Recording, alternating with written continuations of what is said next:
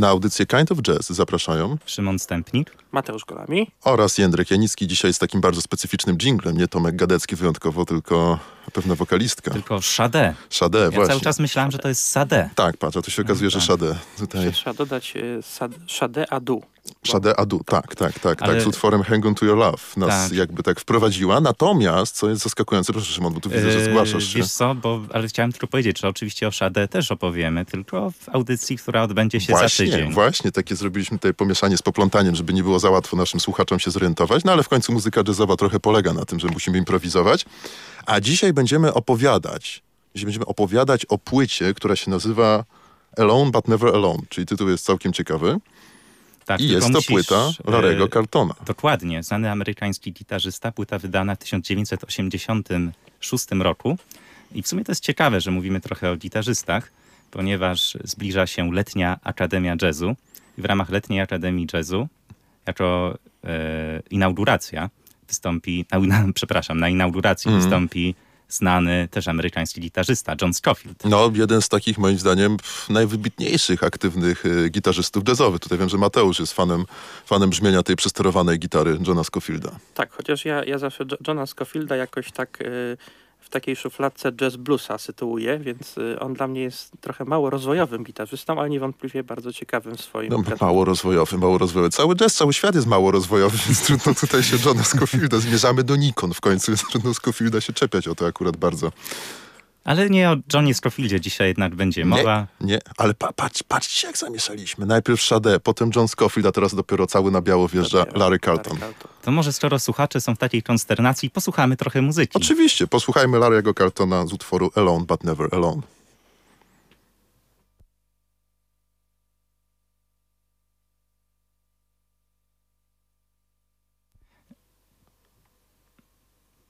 No. Mamy tutaj drobne problemy techniczne. To nie są problemy techniczne, Szymon, tak naprawdę. To są pewne przeszkody, które musimy pokonać w drodze, żeby realizować swoje marzenia. Tak powinno E, się tak. o tym myśleć. E, Tak Wiesz co, powinno to ja może, może coś powiem o, o Nie ma problemu, bo- bardzo bo proszę. sumie- to jest doskonały sumie- moment, żebyś powiedział. tak. Ale ja ci powiem, jeszcze jedną lepszą rzecz możemy powiedzieć. Możemy powiedzieć, że dzisiejszą audycję w popłochu i w stresie, ale jednak bardzo profesjonalnie realizuje Grażyna Bąk. Zgadza za co się. bardzo serdecznie dziękujemy. E, Panie Szymonie, proszę bardzo. Dzięki. O tym Larym Carltonie. e, Bo w sumie ja przyniosłem tę płytę, a Larego Carltona zacząłem słuchać całkiem niedawno. E, Mhm. Tak, oglądałem sobie, wiesz, jakieś nowe gitarki, patrzyłem, co jest ciekawego, e, Mhm. jakie są nowości gitarowe. O, znam to, znam. I odkryłem właśnie taką, taką serię gitar, która, która jest sygnowana nazwiskiem Larry, Larry'ego Carltona. Chciałem zobaczyć, kto to jest, chciałem posłuchać jego muzyki. Oczywiście wiedziałem, że on tam gdzieś istnieje, ale nigdy nie miałem tej przyjemności, aby trochę wgłębić się w tę jego muzykę. No dobrze, ale kim jest ten człowiek? Znany amerykański gitarzysta, muzyk sesyjny. Wyobraźcie sobie, że współpracował też z takimi artystami, jak na przykład Johnny Mitchell, z Polem Anką, czy, czy Barbarą Streisand, a nawet z Michaelem Jacksonem. Nawet z Michaelem Jacksonem? Tak, no właściwie możecie wyobrazić sobie jakiekolwiek wielkie nazwisko w świecie popu i prawdopodobnie Larry Carlton właśnie z taką osobą współpracował. No właśnie, bo, bo Larry Carlton jest takim gitarzystą y, crossoverowym, jak to się ładnie dzisiaj mówi, prawda, który y, jakby potrafi na przecięciu bardzo różnych gatunków się poruszać. No i to jest na pewno cecha jego wyjątkowości, bo on właściwie, to nawet angielska Wikipedia w, w takim, takim pierwszym zdaniu o nim pisze, że y, to jest gitarzysta równie fusion, równie rock, równie pop, prawda, i równie jazz. Więc Chciałem ci tylko już powiedzieć, że Wikipedia już jest niemodna. Teraz powinieneś się skonsultować z, y, z czatem GPT, żeby coś ci powiedział o Larym Carltonie. No tak, to Hmm. prawda, to prawda. Ale w sumie chat GPT chyba dużo zaczytuje z Wikipedii, mam wrażenie. Albo Wikipedia z czat... Nie, niemożliwe, nie?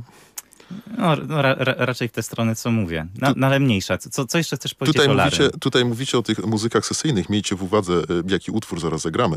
Mówicie Mhm. o, tych, o tym, o, tym o, o, o, o Larym jako muzyku sesyjnym, ale też trzeba wspomnieć jego genialną współpracę z jednym z moich ukochanych zespołów lat 70., czyli ze, Z Jazz Crusaders? nawet jeszcze lepiej, ze Steely Dan. O proszę. On grał na płycie Adja razem z Dilly Tenurem, takim innym fantastycznym gitarzystą jazzowym i grał na płycie przede wszystkim, ta płyta się nazywa Royal Scam, o ile dobrze pamiętam i tam jest taki utwór, panowie, Kit Charlemagne, znakomite solo. No ale nie mówimy dzisiaj o Steely Dan, tylko tak wspominamy, jakby ktoś miał ochotę cały kunszt Larry'ego Carltona posłuchać, do Steely Dan można nawiązać, a my chyba już możemy z tej płyty, o której dzisiaj tak naprawdę opowiadamy, utwór tytułowy Alone, Alone but, never, alone. alone. Z płyty Alone but never, Never alone. alone. Zgadza się.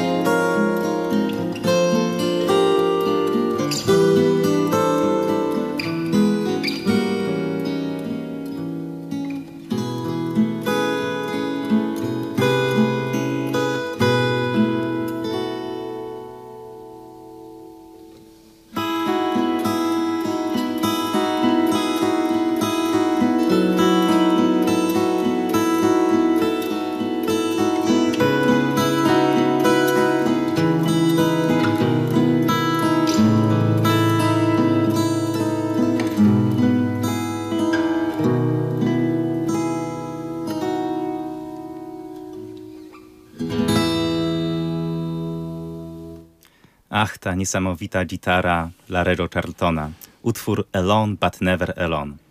No właśnie, panowie, e, czy ta gra Larero Charltona zrobiła na was jakieś wrażenie? Czy uważacie, że to jest taki gitarzysta, no jeden z wielu amerykańskich, czy jest w nim coś takiego nieprzeciętnego? Zanim ci odpowiem na to pytanie, na tą taką prowokacyjne trochę pytanie, trochę zaczepkę, nie bójmy się słów, no to mówisz, że niesamowita gitara Larego Carltona, oczywiście prawda, ale na tej płycie jest trochę nietypowo, bo to jest muzyk kojarzony z gitarą elektryczną jednak.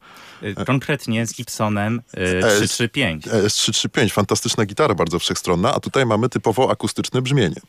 Natomiast jak już zadałeś mi takie prowokacyjne pytanie, to muszę ci powiedzieć, że dla mnie to jest gitarzysta wyjątkowy, bo on łapie jakiś bardzo specyficzny vibe, taki, nie wiem jak to powiedzieć, to nie jest do końca moja estetyka, ale on tutaj trafia do mnie takim, takim podnoszącym na duchu graniem na gitarze. To jest bardzo radosne. Tutaj w ogóle nie ma w tym melancholii. To jest coś takiego, że jeżeli ktokolwiek ma zły humor, może posłuchać Pata Meteniego, przynajmniej niektórych płyt, albo La- Larego Carltona i zrobi mu się chociaż trochę lepiej. Tak, tak.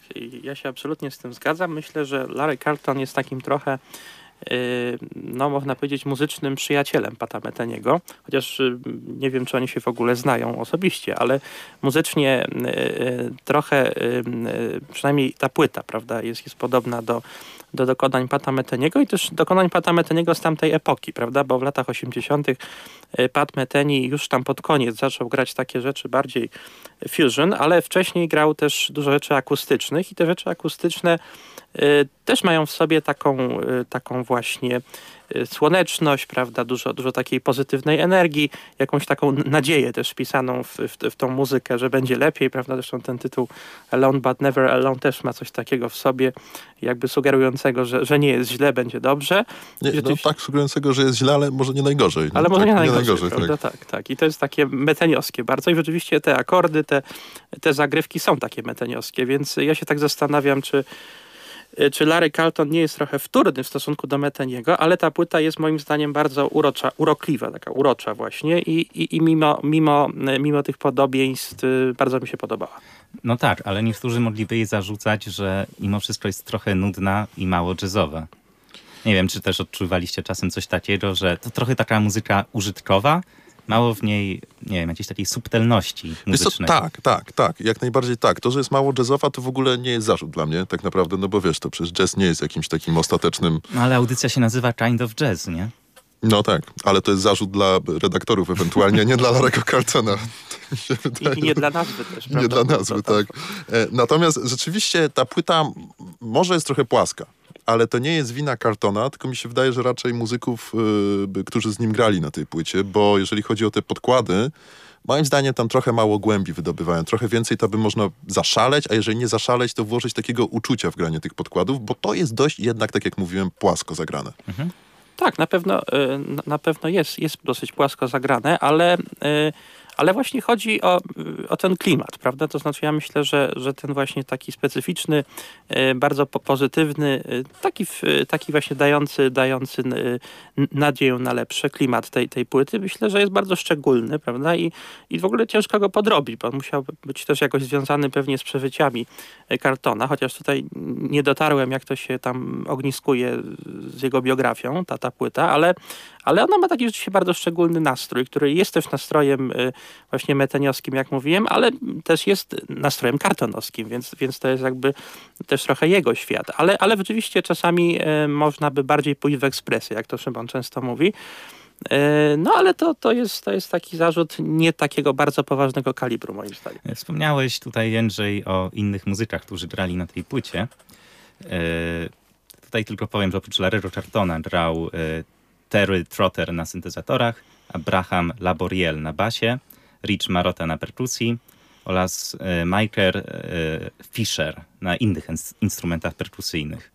E, Może posłuchajmy sobie teraz utworu High Stepping, przenieśmy się w jakieś takie wysokie góry i zobaczmy, co mają też do powiedzenia inni muzycy na tej płycie. postępujmy trochę. Nie? Tak, Postępujmy. postępujmy, tak.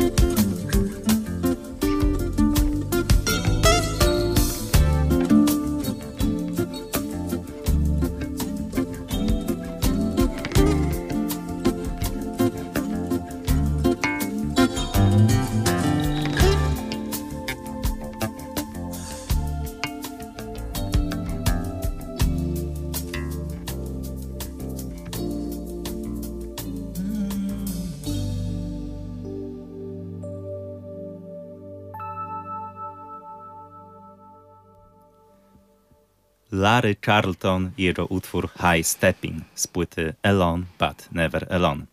Przypomnę tylko szybko skład zespołu, zespołu Larry'ego Charltona. Oczywiście lider na gitarze, y, Terry Trotter na syntezatorach, Abraham y, Laboriel na basie, Rick Marotta na perkusji oraz Michael, Michael Fisher na dodatkowych instrumentach perkusyjnych. W trakcie tego utworu Mateusz powiedział nam, że ma pewne skojarzenia. Mateuszu, co Tak ci jest. przyszło do głowy? Tak jest, właśnie, właśnie mam, mam pewne skojarzenia, bo, bo e, pomyślałem sobie, że, że pan Larry Carlton w tym utworze, ale też e, nie tylko w tym, e, ma brzmienie trochę mniej szlachetne, prawda? I tutaj bym już ty, te skojarzenia meteniowskie oddalił, prawda? Akurat w tym utworze ich chyba w ogóle już nie słychać.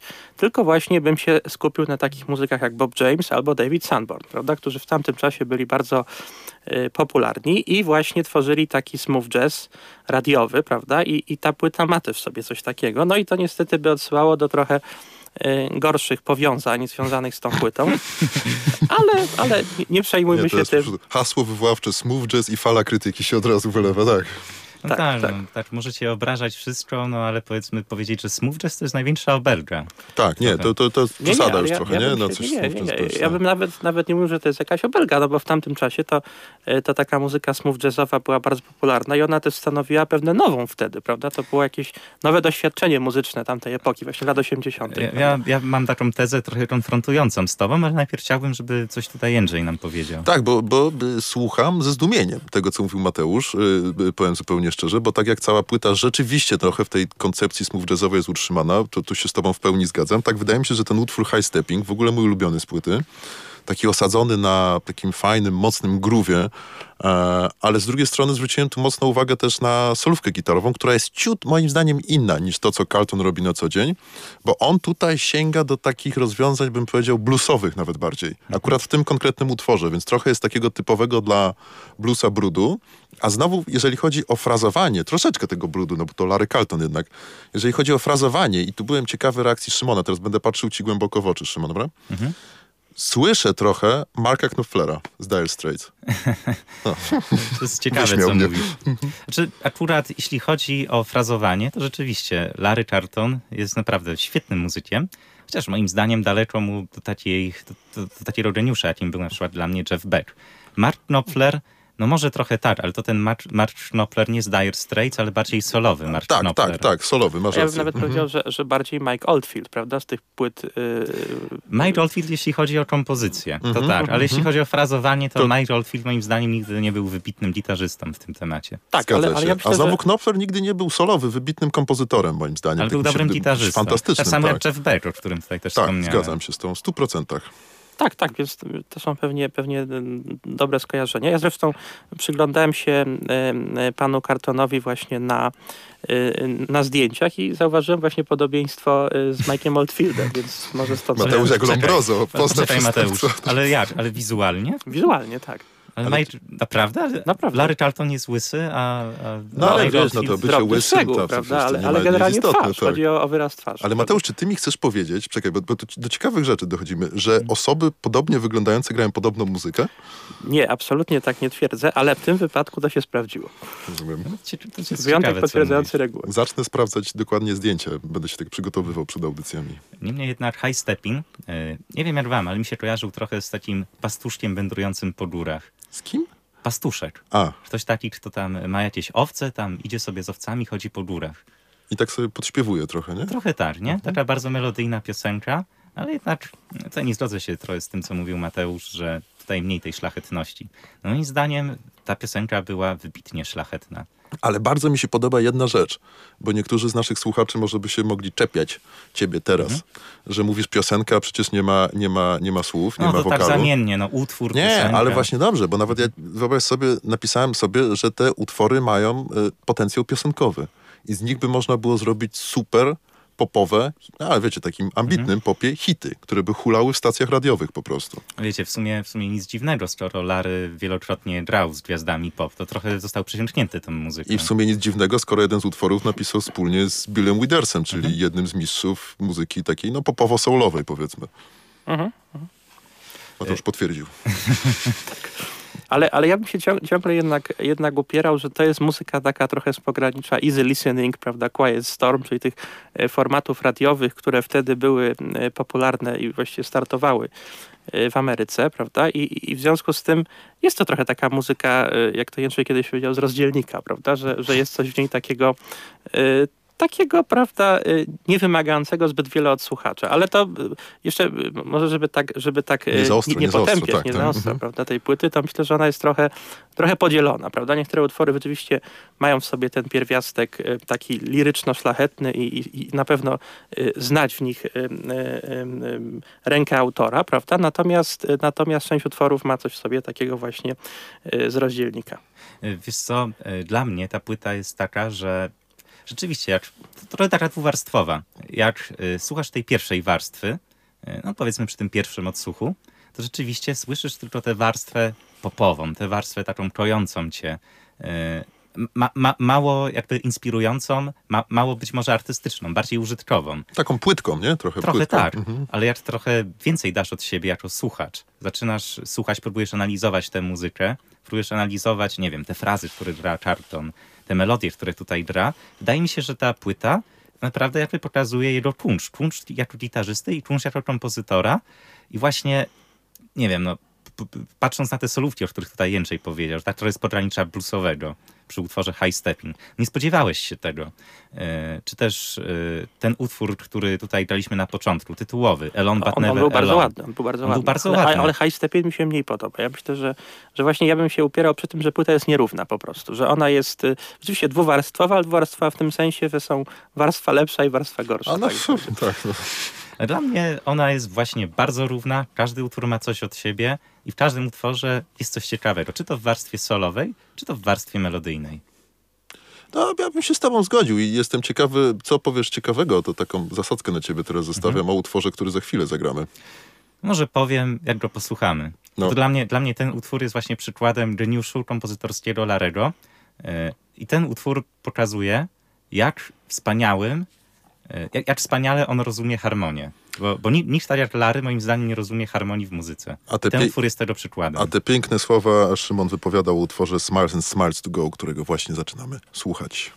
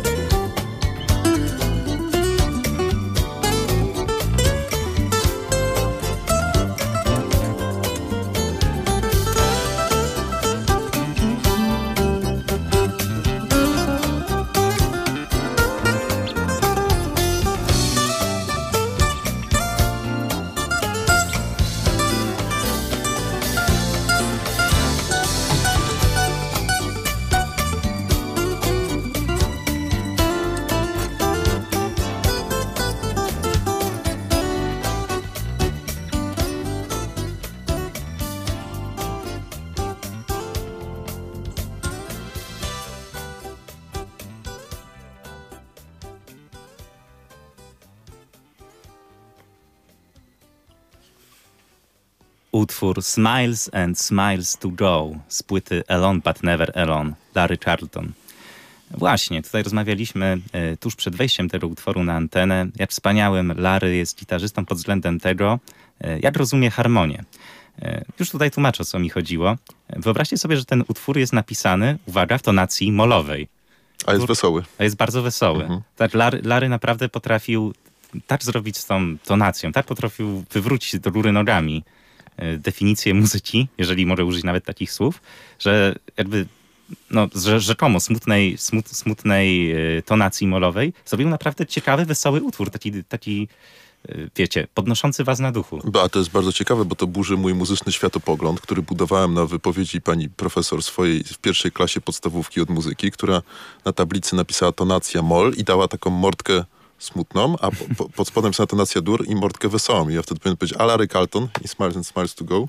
A pani by powiedziała, a kim on był? Właśnie, bardzo możliwe. No Mateusz, a tobie jak się podobał Smiles and Smiles to Go? Czy wywołał uśmiech na twojej twarzy? Czy wręcz przeciwnie, mordka w dół się zrobiła. Y, Mordka bym powiedział, że nie zazdrgnęła specjalnie w dół ani w górę. Zi- Zimny drań po prostu. No. Tak. Ale, ale, y, nie, ale podobał mi się ten utwór. Oczywiście jest, jest podnoszący na duchu, tak jak Szymon ładnie powiedział.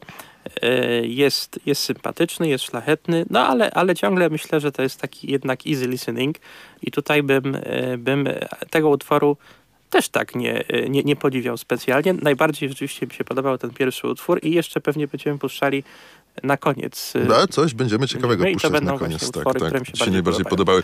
Natomiast, bo ty mówisz tutaj o harmoniach ciekawych, zastosow... ciekawy sposób rozwiązany ten problem tonacji tak, w tym utworze, ale tu też jest świetnie poprowadzone po raz kolejny i ja uważam, że to jest najmocniejszy punkt Larego Carltona, świetnie zrobione solo gitarowe, Oj, które tak. jest pr- znakomicie zachowuje i wirtuozerię, i melodyjność, a to jest rzadkie do połączenia nawet w świecie jazzu, bo często ci muzycy, którzy mają no nieprawdopodobny warsztat i potrafią zagrać wszystko, zapominają o melodii. A Carlton, i tu już tak mówię ogólnie, nie tylko na tej płycie, nawet jak grał najbardziej takie popisowe solówki na gitarze elektrycznej, czy tam akustycznej, wszystko jedno, to jednak cały czas prowadził melodię, cały czas tu był jakiś pomysł na to i cały czas była narracja w tych solówkach. To jest ogromna wartość, jeżeli chodzi o gitarzystę. E, To prawda, też gitarzyści jazzowi, zresztą jacykolwiek gitarzyści mają e, to w zwyczaju, że grając solówki często zapominają o harmonii. Mhm. Często czasem gitara gra swoje, a muzyka gra swoje i to się rozjeżdża trochę. Mhm. No, zgadza się. No, La- Lary, Lary zaw, zawsze jedzie z muzyką. Zawsze, zawsze szanuje kompozycję, zawsze szanuje muzykę i zawsze gra pod nią, nigdy oprócz niej. Być może to wynika z tego, że ma tak bogate doświadczenie jako muzyk y, sesyjny, że nie zawsze to on był tą gwiazdą wyłącznie. I może też to, też tak mi się wydaje, że być może dlatego y, czasem trudno docenić tutaj ten punczt, ponieważ, ponieważ ta muzyka bardzo mocno się wtapia. Tak, zgadza się. To, to, to, to co robi, wtap, wtapia się w tą muzykę, która została no, stworzona. z tym, że dla mnie to samo to wtopienie tak naprawdę jest tutaj kunsztem największym.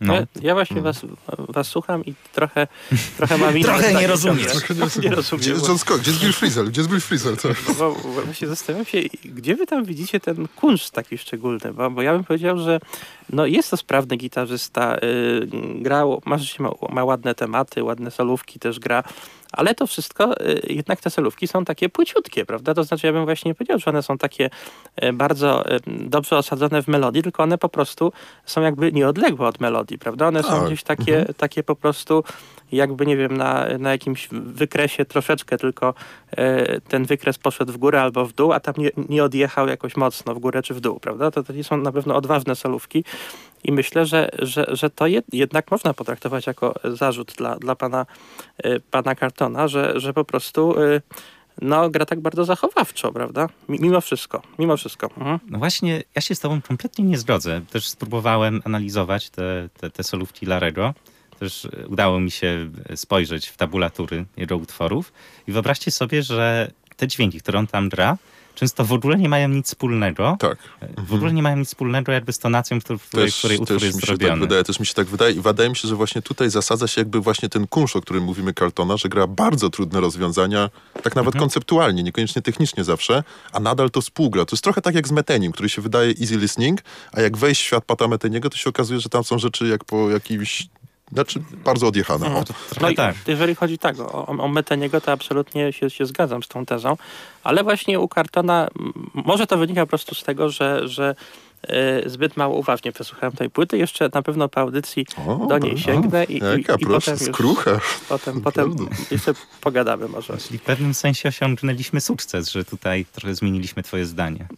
Znaczy, na razie Nie, nie, nie, to aż tak nie, nie. To aż jest tak nie, ale, Sąd zawieszony, jak u Husserla ale teraz bardzo mnie to etap. zaintrygowało, że, że mówicie y, tak dalece inaczej o, o tym utworze na przykład, który słu- słuchaliśmy przed chwilą, więc, więc y, muszę to zweryfikować. E, Mamy trochę już mało czasu przed, przed końcem naszej audycji, a chciałem jeszcze poruszyć jedną historię, która moim zdaniem jest bardzo inspirująca o bardzo, proszę bardzo. Pewnie wiecie, co tutaj chcę powiedzieć. Chcę opowiedzieć Hiro historię o tym, jak pewnego razu został postrzelony. No tam wszedł do swojego studia, słynnego, słynnego pokoju Free Free Five, tam nagrać jakiś utwór, jakąś solówkę. To jego prywatne domowe studio tak, Tak, naprawdę no. było. Mhm. E, Ale wejście było jakoś tak od ulicy. No i tak szedł sobie chodnikiem, patrzy, drzwi są uchylone. Pomyślał, że być może nie zamknął drzwi, czy tam ktoś z jego rodziny nie zamknął. Ale wchodzi i patrzy i tam był jakiś włamywacz, który, który postanowił okraść biednego pana Larego. E, Włamywacz uciekając postrzelił Larego e, tam w okolice gardła. Trochę tam też nadwyrężył, nie wiem jak to się nazywa, rdzeń kręgowy bodajże? Tak, Tak rdzeń kręgowy. nazywa, tak. Mhm. E, No i była też duża szansa, że Lary nigdy nie powróci do grania, bo został częściowo sparaliżowany. Nawet bym powiedział, że niebezpieczeństwo, bo to by był problem dla świata jednak. E, Ale jednak Lary e, doszedł do siebie, doszedł do siebie i wrócił do grania. Nie wiem, czy, czy, czy to, co, to, co zrobił po tym powrocie do zdrowia było lepsze od tego, co było wcześniej, ale na pewno nie było gorsze. Mhm. I moim zdaniem, no nie Ale wiem, no jest- jeżeli, jeżeli ktoś tak jakby na, próbuje narzekać na swoje życie, czy coś takiego, to ta historia Larego była dla mnie bardzo inspirująca. Ale to jest ciekawy w ogóle przypadek, bo to, to jest człowiek z takiej perspektywy egzystencjalnej, no bo to jest wydarzenie traumatyczne na pewno, no, co by nie mówić. Mhm. Otarł się o śmierć tak naprawdę. E, A to nie jest coś, co jakoś wielce wpłynęło na jego, nie wiem czy osobowość, bo tu nie wnikam, ale na to, jak, rozum- jak myślał o muzyce, jak rozumiał muzykę. On nadal pozostał takim, tym swoim stylu, nie? Tym takim swoim stylu, powiedzmy sobie, upraszczając, radosnym, nie? To nie było coś, co odmieniło go na drugą stronę zupełnie. No, pozostał Ciekawa- cały czas tym samym historia. Larym. Była też y, trochę podobna historia y, związana z Davidem Tordem. Tam co prawda nie chodziło o postrzał, ale on miał poważny nowotwór mózgu i po tym nowotworze y, też wrócił do grania. Tylko, że mam wrażenie, że u Torna to trochę zmieniło też sposób jego gry, że on stał się taki trochę mroczniejszy jako Tak, tak. Mi się też prawda? tak wydaje, że Mhm. to ewoluowało trochę w tę stronę właśnie, coraz bardziej mroczną. Ale rzeczywiście to jest ciekawe, że, że go to jakby drasnęło, ale nie dotknęło. Tak, prawda? zgadza się. Mhm. E, Też Larry Carton jest osobą bardzo religijną. Słuchając wywiadów, których udzielał właśnie po tym wypadku, dość często odwoływał się do, do religii, do Boga. I tak samo też y, swo- swoje utwory często tytułował w taki bardzo religijny sposób. No tak, już tak ładnie to wprowadziłeś. No, dokładnie. I posłuchamy sobie utworu teraz Lord's Prayer, który co ciekawe nie został skomponowany przez Larego Carltona, ale przez Alberta Malotę. E, No i posłuchamy go sobie w dwóch wersjach. Posłuchamy go sobie najpierw y, w wersji Larego Carltona, a następnie później posłuchamy tej oryginalnej, nieco operowej wersji. E, Panowie, czy coś jeszcze chcemy tutaj dodać o Larym? Zamieniamy się w słuch, krótko mówiąc. Tak, niech przemówi muzyka. Była to audycja Kind of Jazz realizowana przez Grażynę Bąk. E, Audycję prowadził Jędrek Janicki. Mateusz Golami. i Szymon Stępnik. A teraz słuchamy utworu Lord's Prayer. thank you